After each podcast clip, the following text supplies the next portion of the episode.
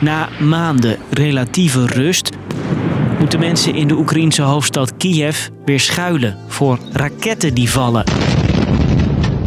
Het is echt het langste luchtalarm eh, sinds het begin van de oorlog eigenlijk hier geweest. De Russische president Poetin is woedend na een dodelijke aanval dit weekend op de Krimbrug. Een belangrijke plek voor hem. Hij wijst naar Oekraïne als dader. De symboliek hè, om een brug die door Poetin is geopend te vernietigen, dan wijst wel heel veel naar de Oekraïnse kant. Ik ben Marco en vertel je waarom de Krim en de Russische brug er naartoe zo belangrijk zijn.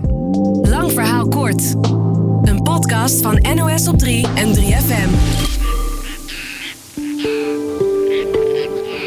De Krim.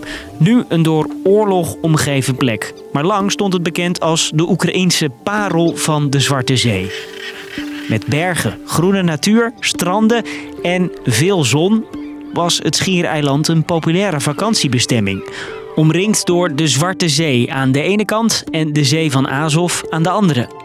Even meekijken op Google Maps. Dan zie je in het noorden hoe het via een smal stukje land verbonden is aan de rest van Oekraïne. En in het oosten raakt de Krim bijna het Russische vasteland.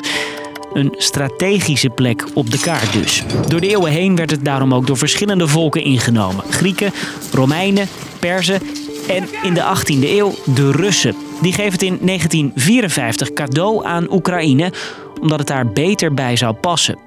Door al dat getouwtrek om die regio wonen er veel mensen met verschillende achtergronden. Het merendeel van de bevolking spreekt Russisch. Poetin ziet de Krim mede daarom als Russisch grondgebied. En het doet in 2014 dit. Na een lange en zware reis keren de Krim en Sebastopol weer terug in de thuishaven, zegt Poetin.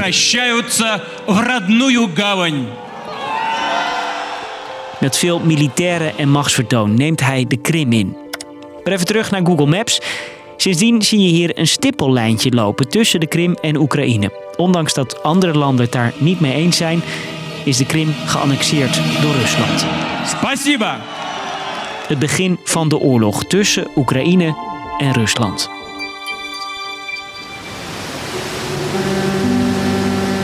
Om op de Krim te komen kan lange tijd alleen met een veerboot. Dus staan elke dag vrachtwagens vol goederen, auto's en mensen in de file voor de boot naar het schiereiland. En daarom bouwt Poetin een brug van 19 kilometer lang van het Russische vasteland naar de Krim. De Krimbrug.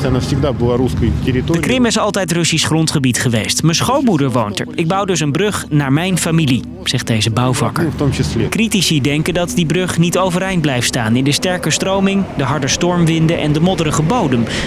Poetin is ook niet de eerste die het probeert. Hitler en Stalin probeerden het ook al. Maar Poetin lukt het als enige. De brug kostte 3,5 miljard en werd in 2018 geopend door Poetin zelf. Hij stapt in een oranje vrachtwagen met Russische vlaggen op de buitenspiegels en rijdt er als eerste overheen. Vladimir Poetin! Dankzij uw werk en talent is dit project, dit wonder, tot stand gekomen. Dank jullie wel, zegt Poetin. De brug is meer dan een oversteek. Het is een symbool geworden voor Russisch machtsvertoon en inname van de Krim. Nu in die oorlog is de brug ook belangrijk voor het Russische leger, vertelt generaal buitendienst Marten Kruijf. We weten per dag ongeveer 18.000 voertuigen en 16 treinen. Dat is ongelooflijk veel. En we weten dat meer dan de helft van de bevoorrading van de Russen die in het zuiden bij Gerson opereren, gaat via deze veilige route. Tot dit moment. Russen zien zelf hoe de ene weghelft in het water dobbert na een aanval op de brug dit weekend.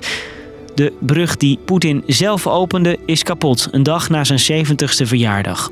Auto's en treinen zouden er volgens de Russische regering inmiddels weer overheen rijden. Maar vanwege de schade door de ontploffing moeten zware vrachtwagens en bussen opnieuw met die boot.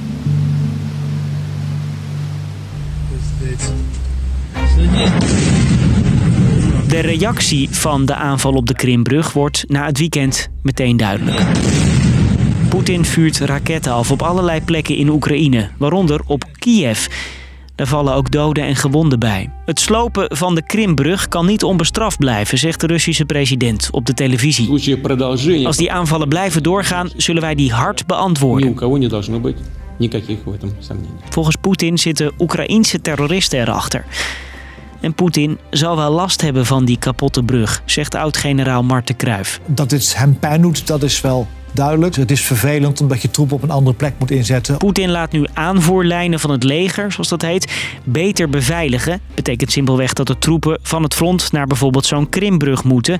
De Oekraïense president Zelensky zegt dat Poetin met alle woorden en raketten probeert om mensen bang te maken. Ze willen chaos en paniek zaaien. Ze willen onze energievoorziening kapot maken. Dus, lang verhaal kort, de Krim is een belangrijk gebied voor zowel Rusland als Oekraïne. En met de aanval op de Krimbrug, Poetins persoonlijke prestigeproject, wordt hij en het Russische leger hard geraakt. Want die brug is onder meer een belangrijke aanvoerroute voor spullen van het leger. Dus Poetin reageert fel met raketten op verschillende steden in Oekraïne. En er gebeurt natuurlijk superveel nu. Het laatste nieuws zie je in onze app of hoor je in het nieuws van ons op 3FM. Thanks voor het luisteren.